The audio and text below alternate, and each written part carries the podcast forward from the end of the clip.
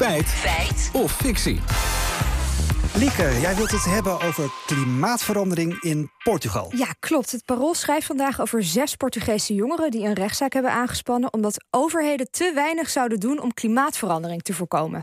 Als we het artikel mogen geloven, is dat in Portugal hard nodig, zeker. Want Ursula von der Leyen, voorzitter van de Europese Commissie, zou in 2019 hebben gezegd dat Portugal van de EU-landen het meest getroffen zou worden door klimaatverandering. Oké, dat is wel uh, opmerkelijk. Dus dat ben je gaan checken of Portugal inderdaad ja. dat land is? Precies, ja. We gaan eerst bellen met uh, Hilde Stroot, klimaatexpert bij Oxfam Novik, om in de eerste plaats eens uit te zoeken hoe die klimaatgevoeligheid van het land eigenlijk wordt bepaald klimaatgevoeligheid die bepalen wij één op basis van in hoeverre wordt het land daadwerkelijk geraakt door klimaatverandering. Want dat is niet over de hele wereld gelijk. Sommige landen zijn, uh, krijgen veel hardere klappen door meermaals extreme hitte of droogte of overstroming. Maar we bepalen het ook aan de hand van in hoeverre is een land in staat om zich daadwerkelijk aan te passen aan klimaatverandering. En hebben ze voldoende financiële middelen om zich te wapenen tegen klimaatverandering. Oké, aan de ene kant dus hoe hard je geraakt wordt, maar ook hoe je het oplost. Zeker, dat geldt bijvoorbeeld ook voor ons hier in Nederland, weet Hasse Goosen van de Stichting Climate Adaptation Service.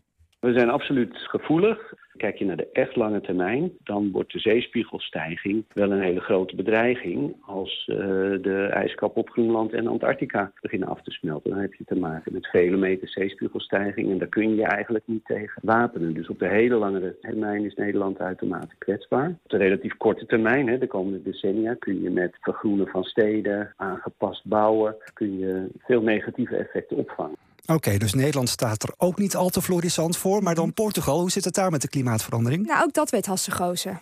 Je moet dan eigenlijk kijken naar de verschillende aspecten van klimaatverandering. Als je het dan hebt over, over droogte en bosbranden, dan geloof ik wel dat Portugal een van de landen is die daar het hardst door getroffen zal worden. Maar kijk je bijvoorbeeld naar uh, zeespiegelstijgingen en overstromingen, dan zijn er weer andere landen die daar vooral uh, door getroffen worden. Dus ja, en wat dan onder de streep het meest kwetsbare land is, volgens mij dat niet zo makkelijk te zeggen. Oké, dus Portugal springt er niet echt uit. Nee, inderdaad. En om het zeker te weten spraken we ook met milieuwetenschapper Marjolein Haasnoot.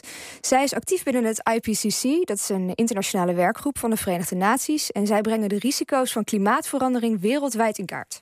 Wat we hebben gezien in het recente IPCC-rapport is dat het Middellandse zeegebied, hè, dat is echt een hotspot van klimaatgevolgen. En uh, Portugal ligt daar natuurlijk in. Maar we hebben niet gevonden dat Portugal daar uh, bovenuit steekt. Hè. Er zijn ook uh, landen als Spanje en Griekenland, die hebben ook met vergelijkbare risico's te maken. Oké, okay, maar er gaat dus wel iets veranderen, veel veranderen door klimaatverandering in Portugal. Heeft zo'n rechtszaak, zoals die jongeren dan aanspannen, heeft dat zin? Nou, het is niet de enige rechtszaak, zegt Stroot van Oxfam Novib.